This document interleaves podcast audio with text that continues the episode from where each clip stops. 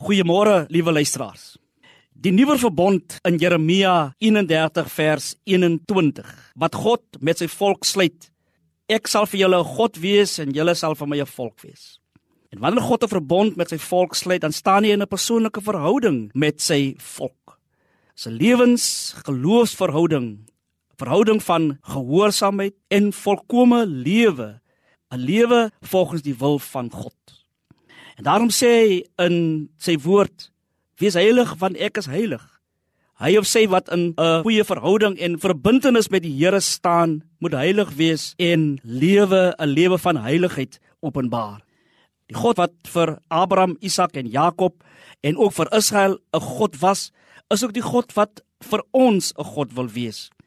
Die verbond verwys dat hy omgee, dat hy vir ons sorg, dat hy ons bevry, Dit getuig dat hy ons nooit sal begewe of verlaat nie. Dat hy vir ons vergewe, dat hy daar is vir ons.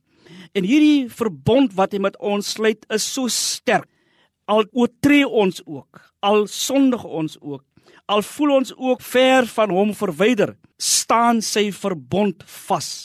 Hy is 'n barmhartige God, God wat vir ons omgee.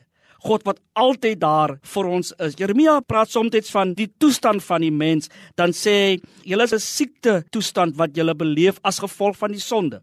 Of julle is gewond. Julle geestelike toestand kan alleen genees word met die nuwe verbond wat hy vir ons wil sluit. Eksodus 20 sê dat hy skryf vir ons 'n verbond wat hy met sy eie hand geskryf het in julle harte sê die woord ook in Jeremia 31 in julle gedagtes word dit vasgelê.